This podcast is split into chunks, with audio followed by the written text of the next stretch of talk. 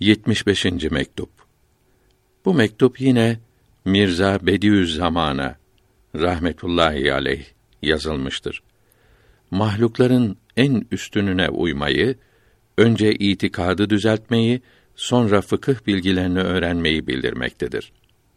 Allahü Teala size selamet ve afiyet versin. Dünya ve ahiret saadetlerine kavuşmak için dünya ve ahiretin efendisine aleyhi ve ala alihi salavatü ve teslimatı etemmuha ve ekmeluha uymak lazımdır. Ona uymak için ehli sünnet alimlerinin bildirdiklerine uygun olarak önce itikadı düzeltmek lazımdır. Bundan sonra o büyüklerin Kur'an-ı Kerim'den ve hadis-i şeriflerden anlayıp bildirdikleri helal, haram, farz, vacip, sünnet, mendup, mübah ve müştebeh şüpheli bilgilerini öğrenmek ve bütün işlerini bunlara uygun olarak yapmak lazımdır.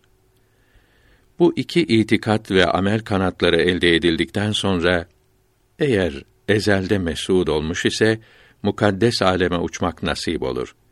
Bu iki kanat olmadan yükselmek olamaz. Bu alçak dünya arkasından koşmaya değmez. Bunun malının, mevkiinin değeri yoktur ki özenilsin. Değerli, kıymetli şeyleri aramalıdır. Allahü Teala her şeyi bir sebeple yarattığı, gönderdiği için kendisine kavuşturan sebebi, o vesileyi ondan istemelidir. Farisi Mısra tercümesi. İş budur. Bundan başkası hiçtir. Bu fakirlere rahmetullahi aleyhim ecmaîn yakınlık göstererek yardım istiyorsunuz. Size müjdeler olsun. Sağlam olarak ve kazanarak geri dönersiniz.